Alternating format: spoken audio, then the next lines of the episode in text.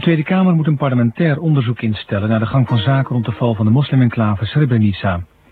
De commissie die heeft onderzocht hoe de Kamer over Srebrenica is geïnformeerd, vindt het zwaardere middel van een parlementaire enquête niet nodig. Als de Kamercommissie zou besluiten om inderdaad geen parlementaire enquête te adviseren, dan zou ik een hele diepe zucht slaken van ellende en vervolgens constateren dat we in dit land toch een regentementaliteit hebben. Ja, dan moet je zeggen dat vind ik buitengewoon jammer.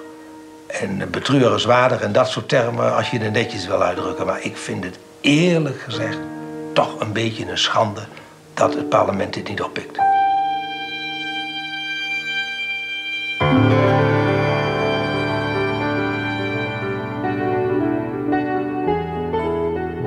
Een schande als er geen parlementaire enquête naar Srebrenica komt, zei oud-PVDA-minister van Defensie Stemerdink eerder deze week.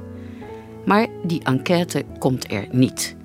De werkgroep uit de Tweede Kamer die dat onderzoekt, maakt aanstaande dinsdag officieel pas haar conclusies bekend. Maar nu al is uitgelekt dat er zeker geen volwaardige parlementaire enquête komt naar de val van Srebrenica in 1995 en de nasleep ervan. Hoogstens een parlementair onderzoek. Getuigen zullen dus niet onder ede worden gehoord. Toch is daar alle reden toe. Bijvoorbeeld in de kwestie van het mislukte fotorolletje. Nieuwe informatie in een uitzending van Argos, juist over dat fotorolletje, was afgelopen zomer het begin van alle hernieuwde commotie over Srebrenica en Dutchbed.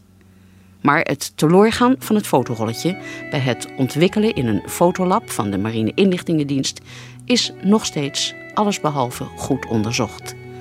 Ondanks de conclusies van het rapport van Kemenade, die in oktober het tegendeel beweerde. Ik begrijp dat het interessant is, maar vergeet het fotorolletje. Dat is absoluut onzin.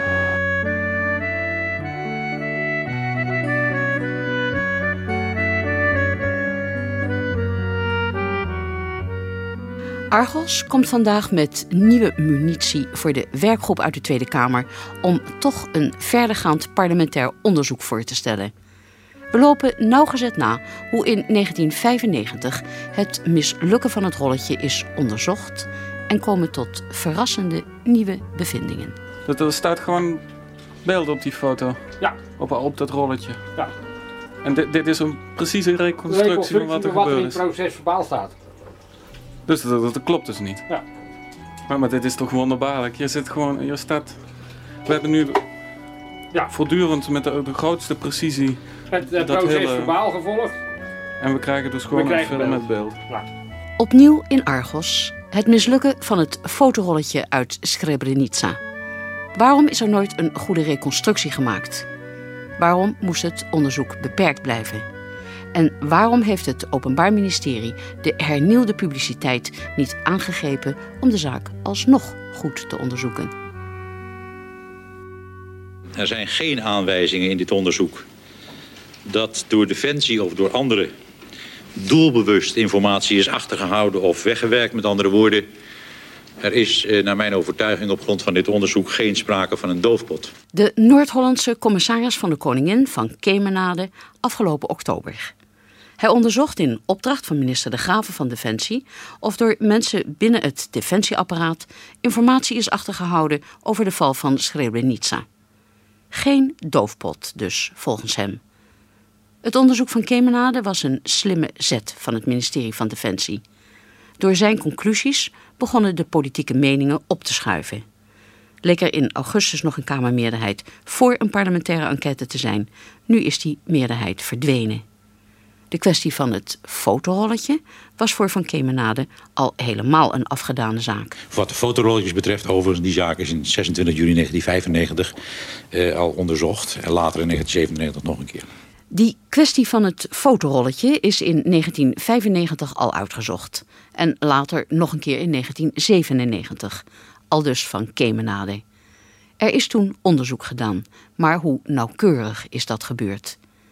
Voor het speciale team van de marechaussee dat de zaak in 1995 onderzocht, het zogenaamde Kodak-team, was het glashelder. Het was een menselijke fout van de laborant. Naar aanleiding van het tactisch rechercheonderzoek en de uitslag van het technisch onderzoek en gerechtelijk laboratorium kan met een aan zekerheid grenzende waarschijnlijkheid gesteld worden dat met betrekking tot het bewuste fotorolletje geen opzettelijke handelingen zijn verricht welke zouden leiden tot het mislukken van het ontwikkelen van het fotorolletje.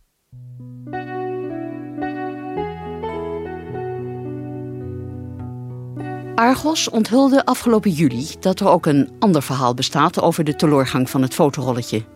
Het verhaal van Dutchbatter luitenant Rutten, die de foto's in Srebrenica heeft gemaakt.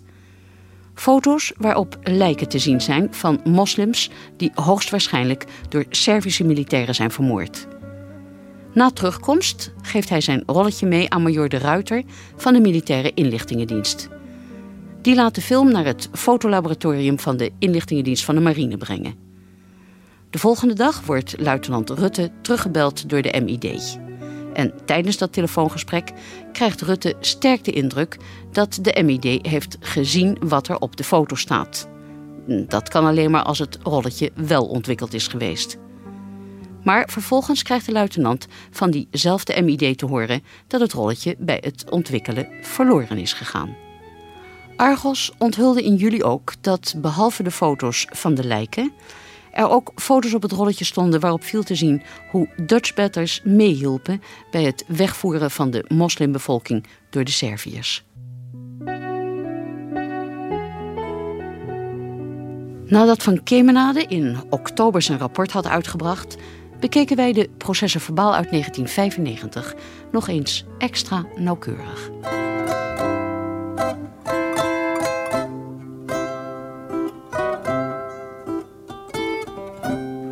Uit proces verbaal nummer 11 1995, de dato 31 juli 1995, proces verbaal in zaken vernietiging van een fotorolletje.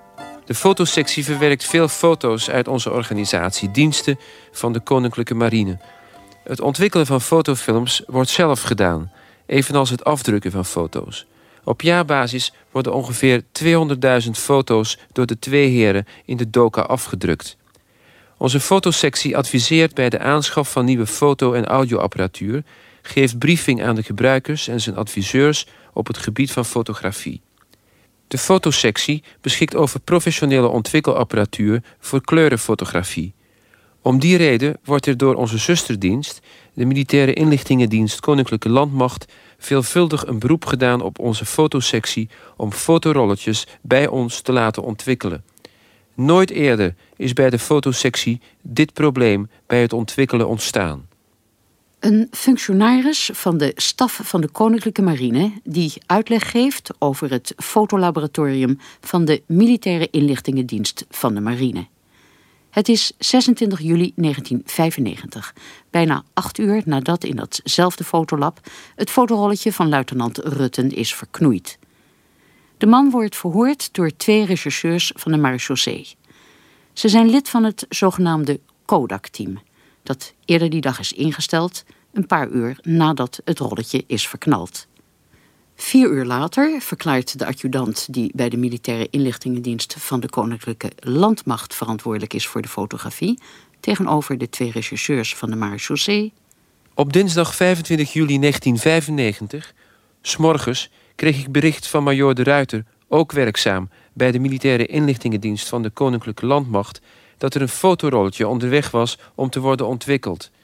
Hij vertelde mij dat op dat rolletje opnamen moeten staan van voormalig Joegoslavië.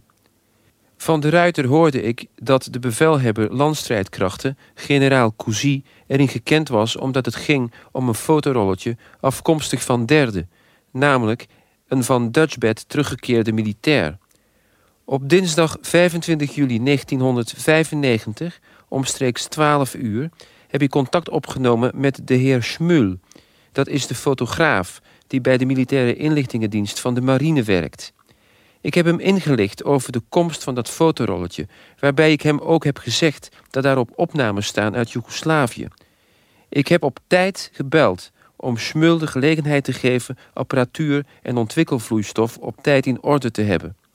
Ik heb later, voor het einde van de werkdag, nog een keer contact gezocht met de heer Schmul om door te geven dat ik de volgende dag op woensdag 26 juli 1995 om 8 uur bij hem zou zijn om het fotorolletje te laten ontwikkelen.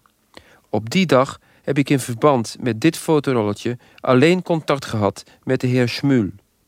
Volgens deze adjudant van de militaire inlichtingendienst van de Landmacht heeft hij dus daags tevoren al aan het fotolab van de marine doorgegeven dat er een speciale fotofilmopkomst is waar haast bij is. Zeker geen routineklus, zoals in de bijlage van het rapport van Van Kemenade verschillende keren wordt gesuggereerd. Ook maakt de adjudant er expliciet melding van dat het opname uit Joegoslavië betreft. Maar twee dagen later, op 28 juli, als hij opnieuw wordt verhoord, neemt hij zijn verhaal terug. Ik heb zeker tegen de heer Schmul gezegd dat er spoed was met het ontwikkelen van dat filmrolletje. Ik kan nu niet met zekerheid verklaren dat ik tijdens de telefoongesprekken met de heer Schmul op 25 juli 1995 over Joegoslavië heb gesproken of iets over de herkomst van dat filmrolletje heb gezegd. Het is dus goed mogelijk dat de heer Schmul voorafgaand aan het ontwikkelingsproces van deze filmrol niet op de hoogte was van de opname die daarop moest staan.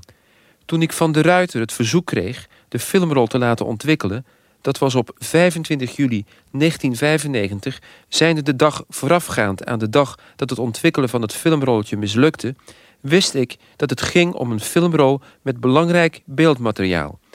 Ik wist ook dat de bevelhebber landstrijdkrachten daarin gekend was en dat de foto's waren gemaakt door een militair van Dutchbed in Srebrenica. Dus toch geen speciale vermelding dat het rolletje uit Joegoslavië kwam. Althans, daar heeft hij geen zekerheid meer over.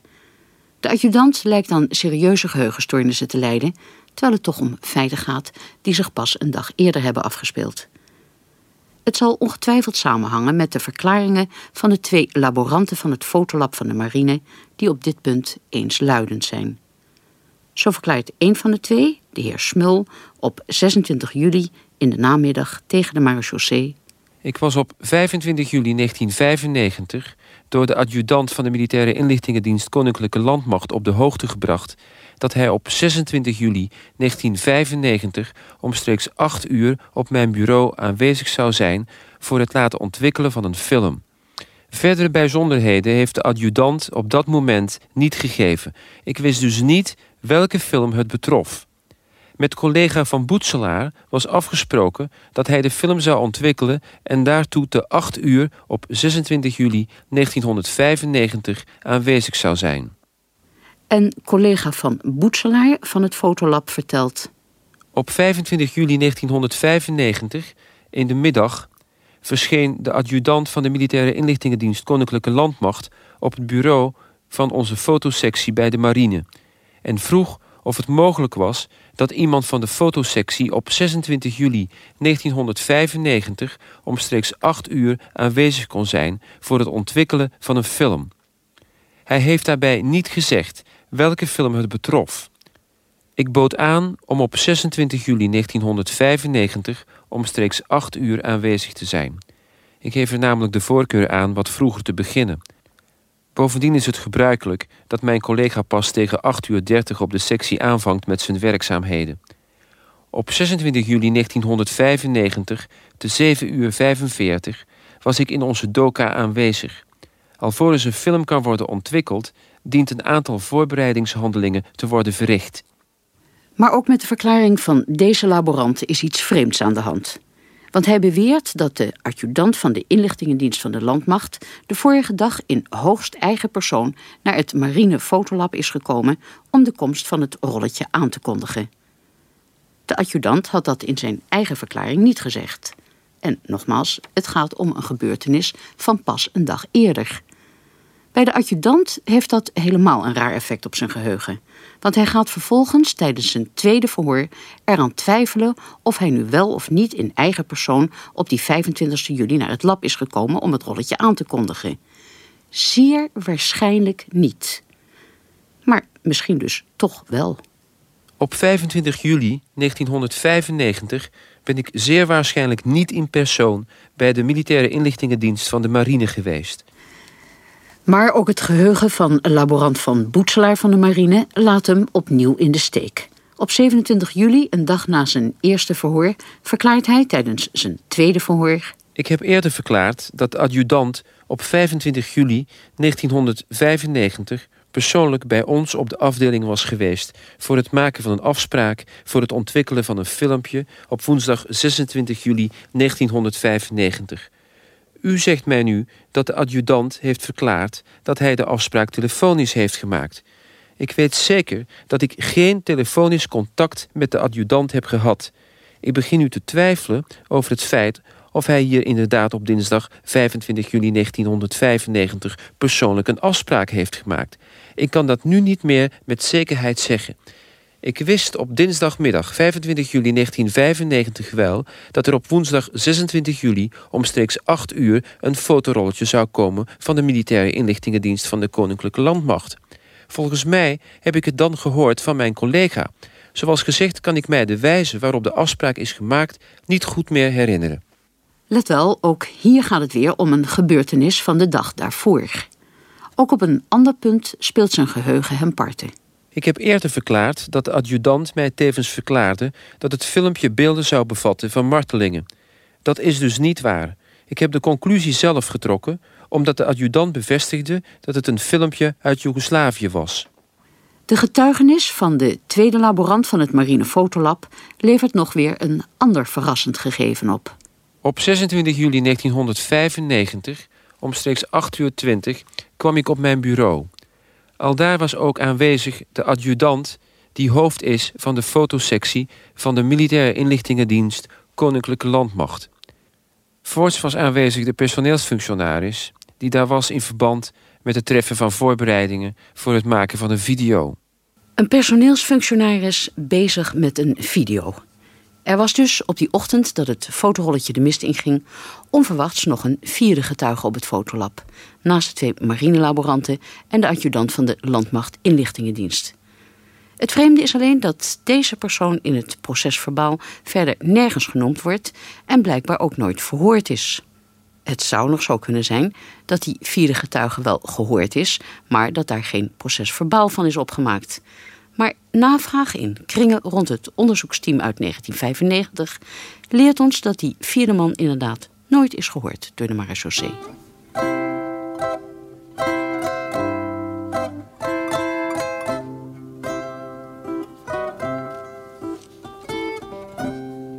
En dan is er natuurlijk de fatale gebeurtenis, het verknoeien van het fotorolletje. Laborant van Boetselaar vertelt tegen de marechaussee... Samen met mijn collega ben ik naar de ontwikkelmachine gegaan. Hij constateerde eveneens dat het fout was gegaan. Ik rook toen een sterke ammoniaklucht. Ik zag dat Schmuel de voorraadkens van de ontwikkelaar en fixeer onderzocht. De inhoud van die voorraadkens verspreidde een ongebruikelijke lucht. Ik heb de inhoud van die voorraadkens later, het zal tussen 10 uur of 10 uur 30 zijn geweest, geleegd in een verzamelvat op de fotosectie bestemd voor chemisch afval. Omstreeks 11 uur verscheen onze chef in de bureauruimte en gaf opdracht alles onaangeroerd te laten. Dat hebben we ook opgevolgd. Dat hebben we ook opgevolgd, maar pas nadat de inhoud van de voorraadkens bij elkaar is gegooid. Daardoor is niet meer te achterhalen of de ontwikkelaar uit de voorraadken voor ontwikkelvloeistof inderdaad verontreinigd is met fixeer uit de voorraadken voor fixeer. Want dat is de officiële verklaring voor het mislukken van het rolletje. De laborant was in de war door de schrik, wordt in de bijlage van het rapport van Kemenade gezegd. Maar je zou het ook vernietiging van bewijsmateriaal kunnen noemen.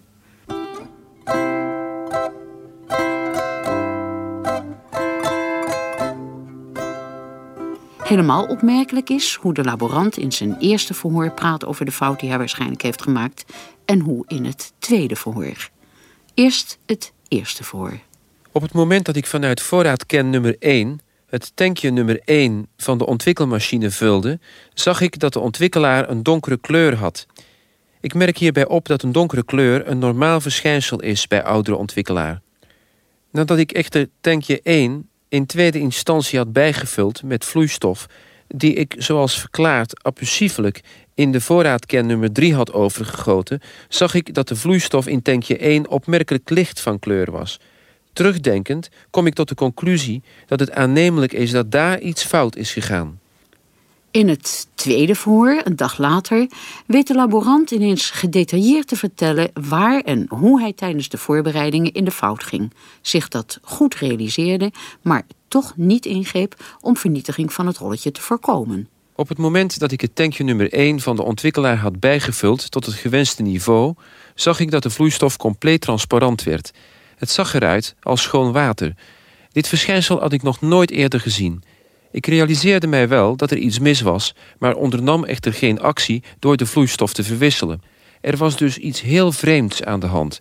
Het is voor mij een raadsel waarom ik niet heb gereageerd door de vloeistof te verwisselen, maar in plaats hiervan het ontwikkelproces gewoon heb opgestart. Ook al had hij het precies in de gaten, de laborant deed niets. Volgens het rapport van Van Kemenade valt dat te verklaren door problemen in de privésfeer. Maar die worden niet nader omschreven. Ook wordt de vraag niet beantwoord of dat een ervaren fotolaborant, zoals deze man van de Marine Inlichtingendienst, zo uit het lood kan slaan. Als het allemaal waar is natuurlijk. Het is heel goed mogelijk dat het echt een ongeluk is geweest. Alleen bevat het procesverbaal te veel ongerijmdheden om er niet nader naar te kijken. Zeker voor een speciale onderzoeker als Van Kemenade.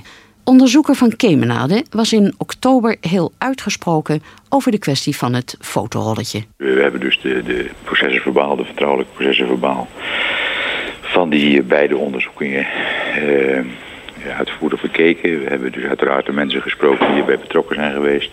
Zowel de fotograaf als de onderzoekers als de officier van justitie. Uh, en daaruit blijkt inderdaad dat het uh, ja, inderdaad heel, heel treurig mislukt is. Overigens is het natuurlijk zo dat we dus uh, exact weten wat er op het fotorolletje moet hebben gestaan. Mm -hmm. Dat heeft dus de fotograaf verteld. Ja, maar die betrokkenen, u zegt, u heeft de onderzoekers gesproken, de fotograaf, maar heeft u ook bijvoorbeeld de laborant en de mensen van de militaire inlichtingendienst gesproken die bij dat uh, ontwikkelen van dat rolletje betrokken waren? Nee, dat hoeft er niet, want de laborant heeft uitvoerige verklaringen afgelegd in het uh, eerste en het tweede onderzoek. En de mensen van de militaire inlichtingendienst die betrokken waren bij het transport van het rolletje hebben in het tweede onderzoek uitvoerige verklaringen uh, afgelegd. Uh, be beëdigde verklaringen bij de Koninklijke Marechaussee. U vond die verklaringen zo overtuigend dat u niet nodig vond om hem nog een keer opnieuw te horen? Ja, te meer ook omdat dat, de situatie dus vrij duidelijk was hoe dat technisch mislukt is vervolgens ook omdat vrij duidelijk was dat we, we, inmiddels weten wat er op het fotorolletje staat. Ja, ik heb die procesverbalen ook gezien, maar ik vind toch wel dat er nog wel een aantal rare tegenstellingen in die procesverbalen ja, zitten. moet u ze beschrijven. Als u het niet gelooft dat het niet mislukt is, dan laat ik u dat. Nee, nee, maar het gaat mij erom in hoeverre u het onderzocht heeft. Maar u heeft eigenlijk gewoon de direct betrokkenen niet gehoord, begrijp ik? Jazeker wel. Nee, alleen maar de onderzoekers en degene die van wie... Maar degene... Ja, maar dacht maar... u dat de laborant een andere verklaring dan onder Ede aflegde... over hoe die precies omgegaan is met die, met die kennis, met die, met die voorraden? Nou, dat, weet ik niet. Dat, dat had misschien gelegen aan de manier waarop ja. u met hem gesproken had. Maar, nee, maar dus u verwachtte van tevoren eigenlijk niet zoveel van... als u met hen zou praten, begrijp ik. Ik had van tevoren, uh, lezende dus beëdigde verklaringen... geen behoefte om die beëdigde verklaringen dus uh, overnieuw te doen. Rapporteur van Kemenade vergist zich. De getuigen van de vernietiging van het fotorolletje in 1995 zijn niet onder Ede verhoord. Het enige wat er onder Ede gebeurde was het zogeheten op afgelegde ambtseed opgemaakt procesverbaal van de marechaussee. Onder Ede kunnen deze getuigen alleen verhoord worden in het geval van een parlementaire enquête. Maar die parlementaire enquête komt er niet. Reden voor ons om de processenverbaal, die volgens Van Kemenade na de onderzoek overbodig maken, opnieuw te bestuderen. Daarvoor hebben we eerst alle betrokkenen benaderd voor interviews, maar niemand wil.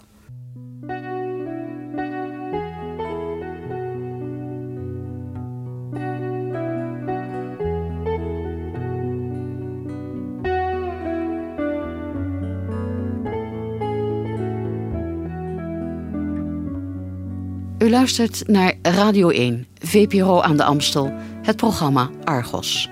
Vandaag over het fotorolletje van Srebrenica en de parlementaire enquête die er hoogstwaarschijnlijk niet komt. De processen verbaal uit 1995 eindigen met een analyse door het gerechtelijk laboratorium. Daarin valt te lezen dat de ontwikkelaar waarin het rolletje is ontwikkeld voor 30% was vervuild met fixeer dan wel bleek. En dat is inderdaad voor elke fotofilm fataal. Daarmee wordt het dossier afgesloten. Duidelijk dus een menselijke fout, 30% fixeer in de ontwikkelvloeistof. Maar valt die conclusie te rijmen met de verklaringen van de laborant die voor die fout verantwoordelijk wordt gehouden? Hij heeft namelijk heel gedetailleerd beschreven hoe hij te werk is gegaan. Zo, nu gaat het licht uit, hè? Ja, pikdonker. En nu gaat u die film in die cassette spoelen. Ja. Het geluid wat je hoort is dus het uh, inspoelen van het filmpje. En dat spiraaltje. Ja. Je ziet geen hand voor ogen, hè, nu? Nee. Het is helemaal donker. Ja. Goed, ik heb nu dus het, uh, het Fuji-filmpje in mijn handen. En dit is ook een standaard procedé, Ja. hè? Ja. Dit doet gewoon iedere laborant. eh, Ja, in wezen dagelijks.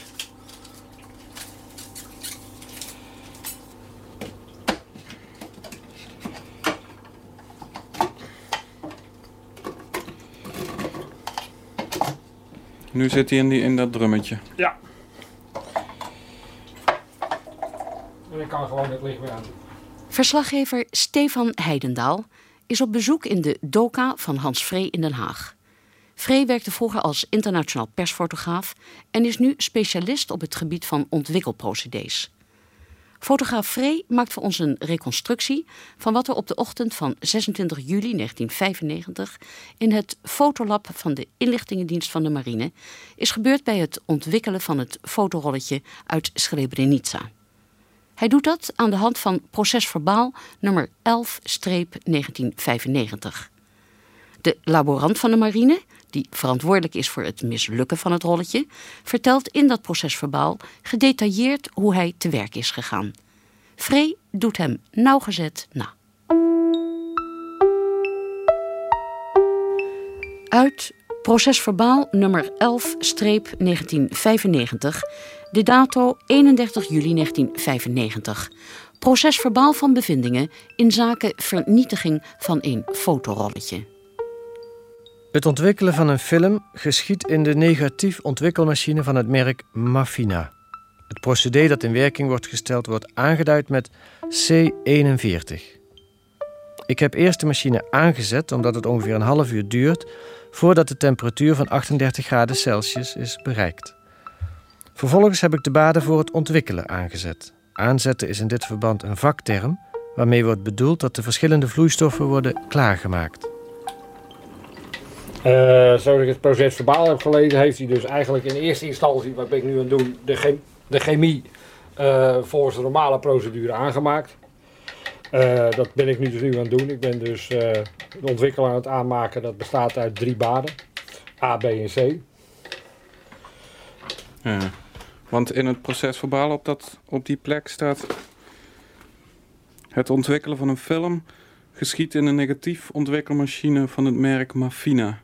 Het procedé dat in werking wordt gesteld wordt aangeduid met C41. Dit is een C41-proces. Dit is uh, C41, ook wel Flexicolor genoemd. Dat heb ik je ook meegenomen. Dat kan je zien, zoals je ziet. Kodak Flexicolor C41. Maar vertel dus even over die film. Dat is een Fuji is een G100. Is, uh, Fuji G100, dat is een doorsnee film. Niks bijzonders aan, geen professionele. Een film met een hele grote weerstand tegen alle klimatologische omstandigheden. Uh, warm, koud, uh, vocht. Dus het is een gewone normale film waar als je die een beetje zou mishandelen, dan staat er wat op. Sowieso altijd randnummering, want het uh, wordt al in de fabriek aangebracht. Die, die ontwikkelmachine waarover gesproken wordt, dat is een Mafina. Ja. Wat, wat is dat, dat is voor een, machine? Een, een drumprocessor, zoals je die. Uh, dit is dan wel een ander merk, dit is een Jobo, maar het principe blijft hetzelfde. Je, uh, het gaat met een watermantelbad om de temperatuur te behouden, of op temperatuur te brengen, het hangt er maar hoe je begint. Ehm, met die elektronische waarover gesproken wordt, die kan pas gaan ontwikkelen. Dus je kan wel op een drukken op start, maar die gaat pas starten op het moment dat de temperatuur van rond de 38 graden is bereikt. Precies zijn 38,3. Maar je weet, alles heeft een afwijking, dus dat ook. uh, wordt bereikt, dan gaat er in wezen gaat het proces pas lopen. Het hele proces gaat geheel automatisch. Als je het juiste procesnummer invult, dan loopt hij dat helemaal automatisch af. En hij wisselt tussen baden automatisch. Dit is dus een betrouwbare reconstructie van het apparaat wat daar gebruikt is. Ja, ja. En ik ga nu proberen aan de hand van het proces verbaal na te gaan of het verhaal wat hij daarin heeft staan klopt. Dus in het proces verbaal staat dat hij de chemie op de normale manier heeft aangemaakt. Dat ben ik nu aan het doen. Uit procesverbaal nummer 11-1995. De ontwikkelmachine Mafina moet met drie verschillende vloeistoffen worden gevuld, te weten ontwikkelaar, bleek en fixeer. Elke vloeistof wordt in het betreffende tankje gestort, waarbij de ontwikkelaar in tankje 1, de bleek in tankje 2 en de fixeer in tankje 3 terecht dient te komen. Voor het vullen van de tankjes van de ontwikkelmachine heb ik de beschikking over voorraadcans, die, indien volledig gevuld, 3,6 liter vloeistof van de genoemde soort bevatten. Ik heb de tankjes gevuld met de betreffende vloeistoffen uit de genoemde voorraadcans. De ontwikkelaar goot ik in tankje nummer 1, de bleek goot ik in tankje nummer 2 en de fixeer goot ik in tankje nummer 3. In die tankjes is een merkteken aangebracht. Het merkteken geeft de hoogte aan van het vloeistofniveau. Ik zag dat de tankjes 1 en 3 beneden peil stonden. Aangezien de voorraadkens voor 1 en 3 leeg waren, diende ik de voorraadkens te vullen met vloeistoffen die door mij daartoe moesten worden aangemaakt. Voor het aanmaken van die vloeistoffen heb ik de beschikking over speciaal daarvoor in de fotosectie aanwezige chemicaliën. Van die chemicaliën pakte ik de ontwikkelaar, bestaande uit een kartonnen doosje met daarin drie flessen, aangeduid als A, B en C. Ik goot de betreffende flessen in de volgorde A, B en C in een speciaal voor dat doel beschikbare emmer, die ik inmiddels, zoals voorgeschreven, had gevuld met anderhalve liter water. Vervolgens vulde ik de vloeistof met water aan tot ik een hoeveelheid van 3,6 liter had bereikt. Dat niveau wordt in de emmer met een merkteken aangegeven. Ik ga dit helemaal reconstrueren. Ik heb dus hier uh, uh, fles 3, uh, dan wat hij dan container 3 noemt, en ik heb fles 3. Maar de, de inhoud is hetzelfde. Neem zo meteen de fles fixeer. Daar uh, doe ik verse fixeer in. Daarna gooi ik hem weer leeg en ik spoel hem om. Dan zal ik in fles van de fixeer de aangemaakte verse ontwikkelaar gooien. Dan roep ik even oh jee, want ik heb een fout gemaakt. En ik doe hem dan in fles 1. Daarna gaan we gewoon het ontwikkelproces beginnen. En dan gaan we kijken of er enige sporen van beeld te, terug te vinden zijn op de film.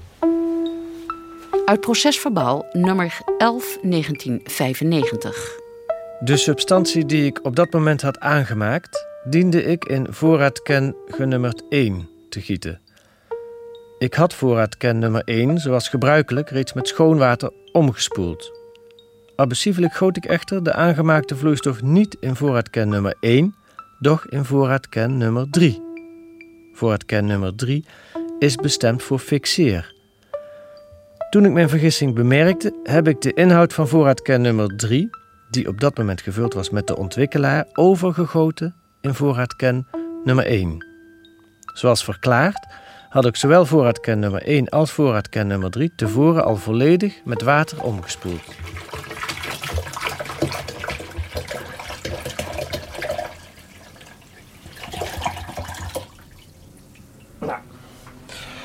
In deze fles zitten dus nu fixeerdruppels. Als ik hier direct ontwikkelaar in zou doen, zou dat een verontreiniging van de ontwikkelaar zijn. Maar in het proces verbaal staat dat hij hem heeft omgespoeld, dat ga ik nu doen.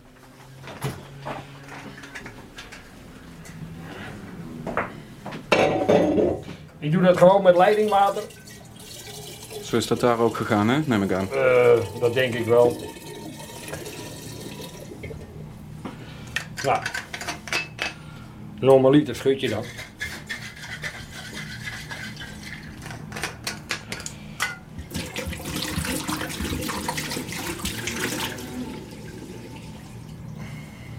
Omgespoeld. Omgespoeld. Ik heb hier de ken met ontwikkelaar en die ga ik nu in deze fles gieten. Nu maken we dus de fout, hè? Nu maken we de fout die dus in het proces verbaal staat. Ontwikkelaar gooien in een lege tank waar fixeer heeft ingespeeld. Dat is heel belangrijk, een omgespoelde fixeercontainer.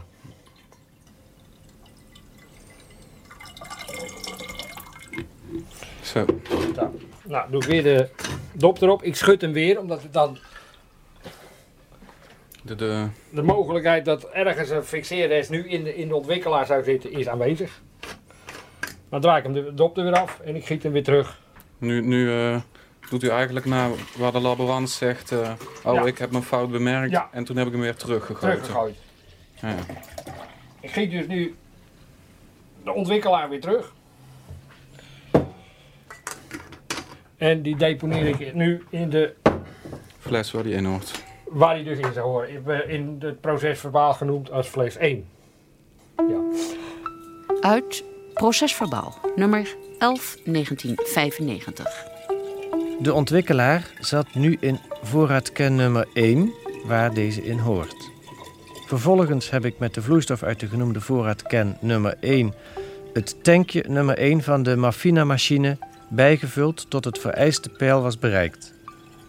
In tank 1 en 3 zat 280 milliliter vloeistof. Ik moest de beide tankjes bijvullen tot 650 milliliter en heb derhalve 370 milliliter nieuw aangemaakte vloeistof toegevoegd. Eh, ik heb eh, nog een beetje vloeistof van de vorige keer. Je ziet dat is 280 milliliter. Ehm, je ziet het is eh, knap verkleurd. Het is een beetje bruinig aan het worden. Dus eigenlijk die 280 milliliter. 280 liter, milliliter. Daar moet ik zo meteen 370 milliliter verse aangemaakte ontwikkelaar aan toevoegen.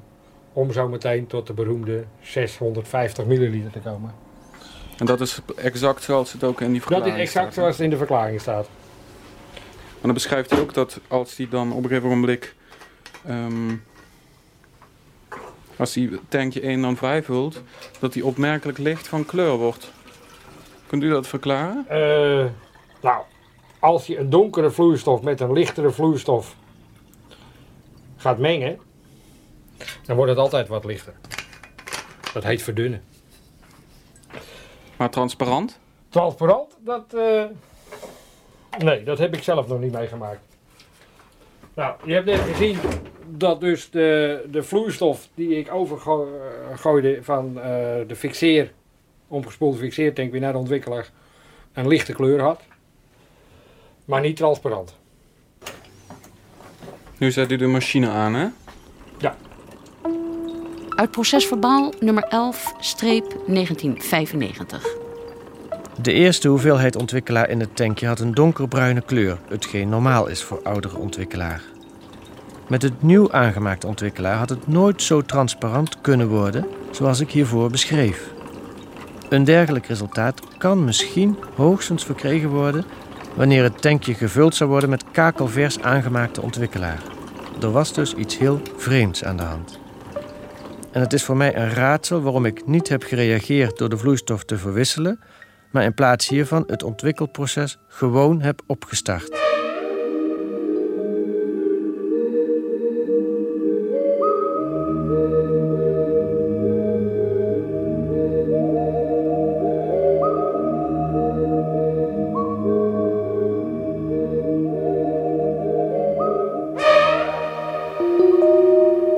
Op een gegeven moment hoorde ik een zoomsignaal ten teken dat het ontwikkelprocedé was beëindigd en dat de machine kon worden geopend. Ik zag dat er zich op de film geen beeld had gevormd. Nou, nou is het moment suprem. We gaan kijken of die... eh, Of er eh, wel of geen beeld op staat. Nou, ik ben benieuwd. Ja, vind je niet. Nou, kan je nu wel zeggen dat er beeld op staat. Er staat beeld op. Ja hoor. Dat, er staat gewoon beeld op die foto. Ja. Op, op dat rolletje. Ja. En dit, dit is een precieze reconstructie van wat er wat er in gebeurd het is. proces verbaal staat. Dus dat, dat, dat klopt dus niet. Ja. Maar, maar dit is toch wonderbaarlijk. Je zit gewoon, je staat... We hebben nu ja. voortdurend met de, de grootste precisie... Het, het proces hele... verbaal gevolgd. En we krijgen dus gewoon een film met beeld. Nou, goed.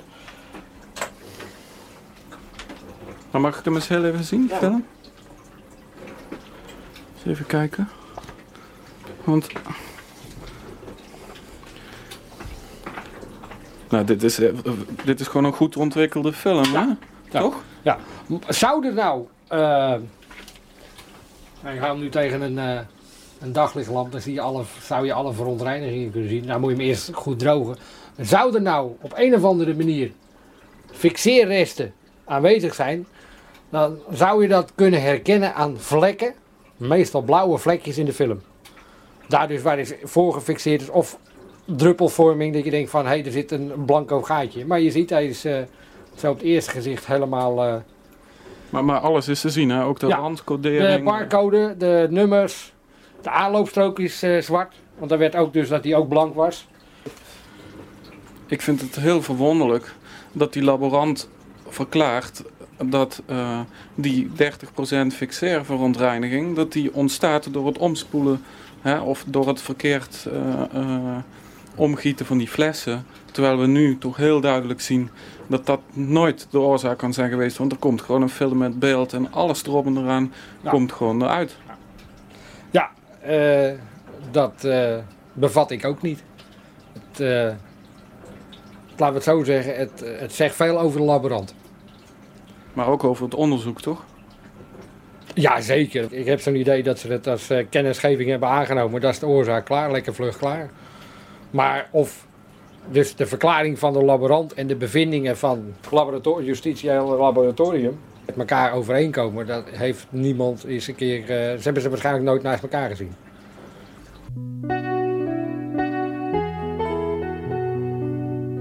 Het onderzoek naar het fotorolletje is dus absoluut niet nauwkeurig gebeurd. De conclusies van het gerechtelijk laboratorium zijn niet te rijmen met de verklaringen van de laborant. In oktober werd het onderzoek door het Openbaar Ministerie heropend. Maar dat was niet om de hele zaak nu eens kritisch tegen het licht te houden.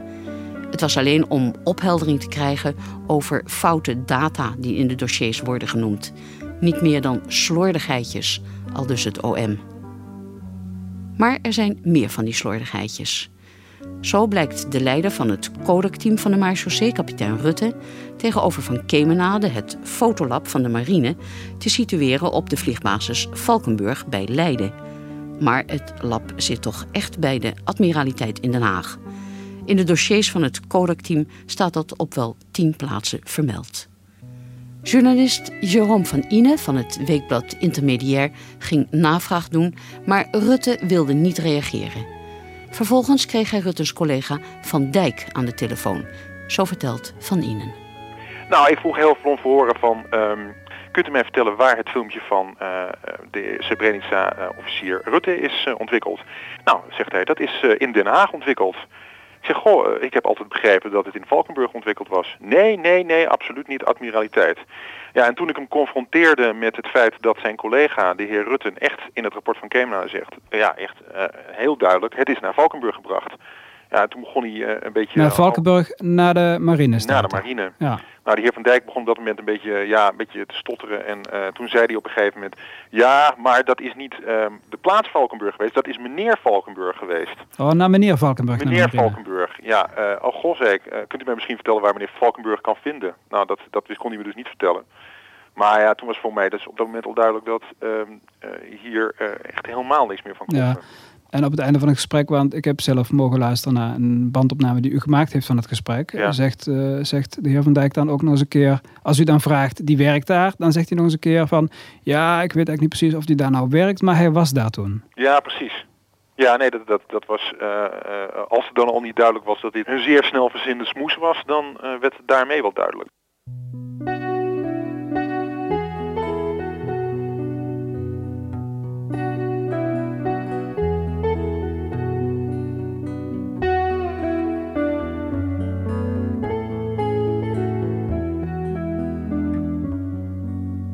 De telefoon is uh, de heer Vrielink, officier van justitie Vrielink, persofficier van het Openbaar Ministerie in Arnhem. Meneer Vrielink, um, afgelopen najaar uh, is er toch nog een keer opnieuw het onderzoek naar het fotorolletje heropend. Omdat er onduidelijkheid was over een aantal data. Waarom heeft het Openbaar Ministerie in Arnhem die heropening afgelopen najaar niet aangegrepen om een aantal andere onduidelijkheden in, in het onderzoek naar het mislukken van het fotorolletje ook nader te onderzoeken? Misschien is heropening van het onderzoek wel een groot woord.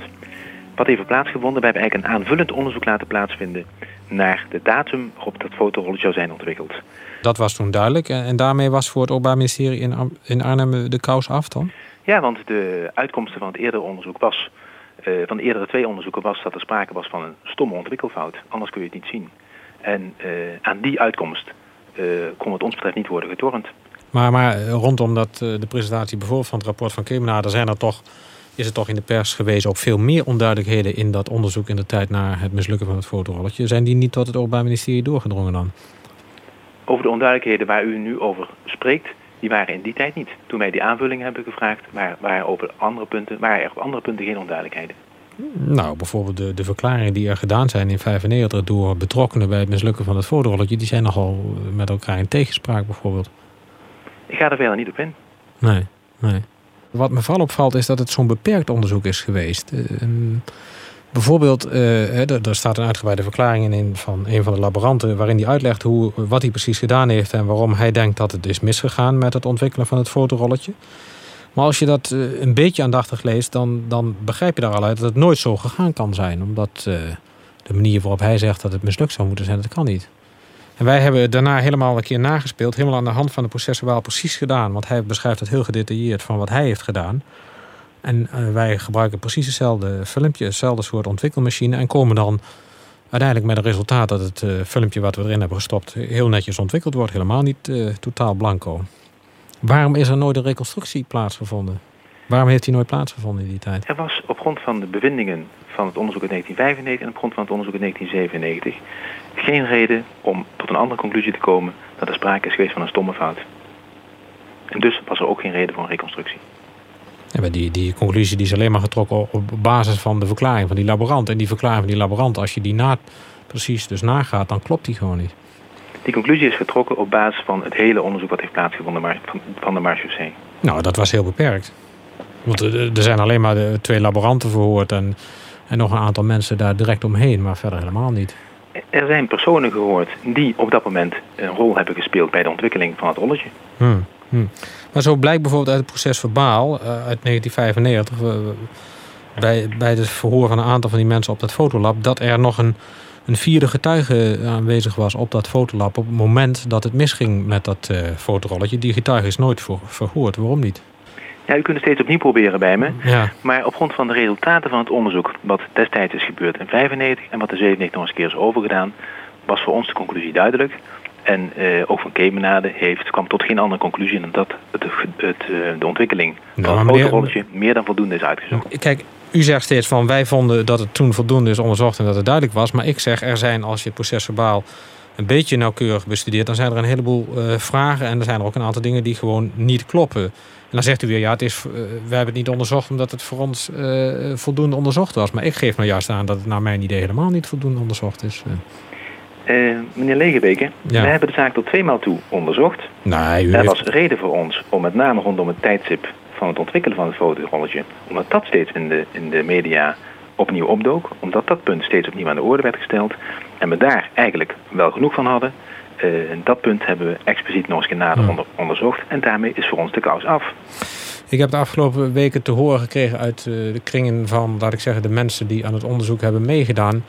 Dat zij beperkt werden in hun onderzoek. Is daar vanuit het OM toen opdracht toegegeven dat het onderzoek niet uitvoerig mocht zijn? Ik kan me niet voorstellen. Kunt u zich niet voorstellen? Nee, absoluut nee. Maar als ik u nu zeg dat wij precies hebben nagedaan wat de laborant zegt wat hij gedaan heeft en wat hij ook fout gedaan zou hebben. De laborant die dan uiteindelijk verantwoordelijk zou zijn voor het mislukken van het fotorolletje. En dat blijkt uit die heel nauwgezette reconstructie van ons. Dat er dan nooit een fotorolletje uit kan komen waar geen beeld op staat. Is, stel uh, dat ik u dat laat horen, of u hoort dat, is dat dan voor het Openbaar Ministerie aanleiding om toch opnieuw daarnaar te kijken? U zult mij nooit horen zeggen uh, via de media of dat iets wat u heeft uitgevonden aanleiding geeft tot nieuw onderzoek. Mm -hmm. Dus ook nu niet.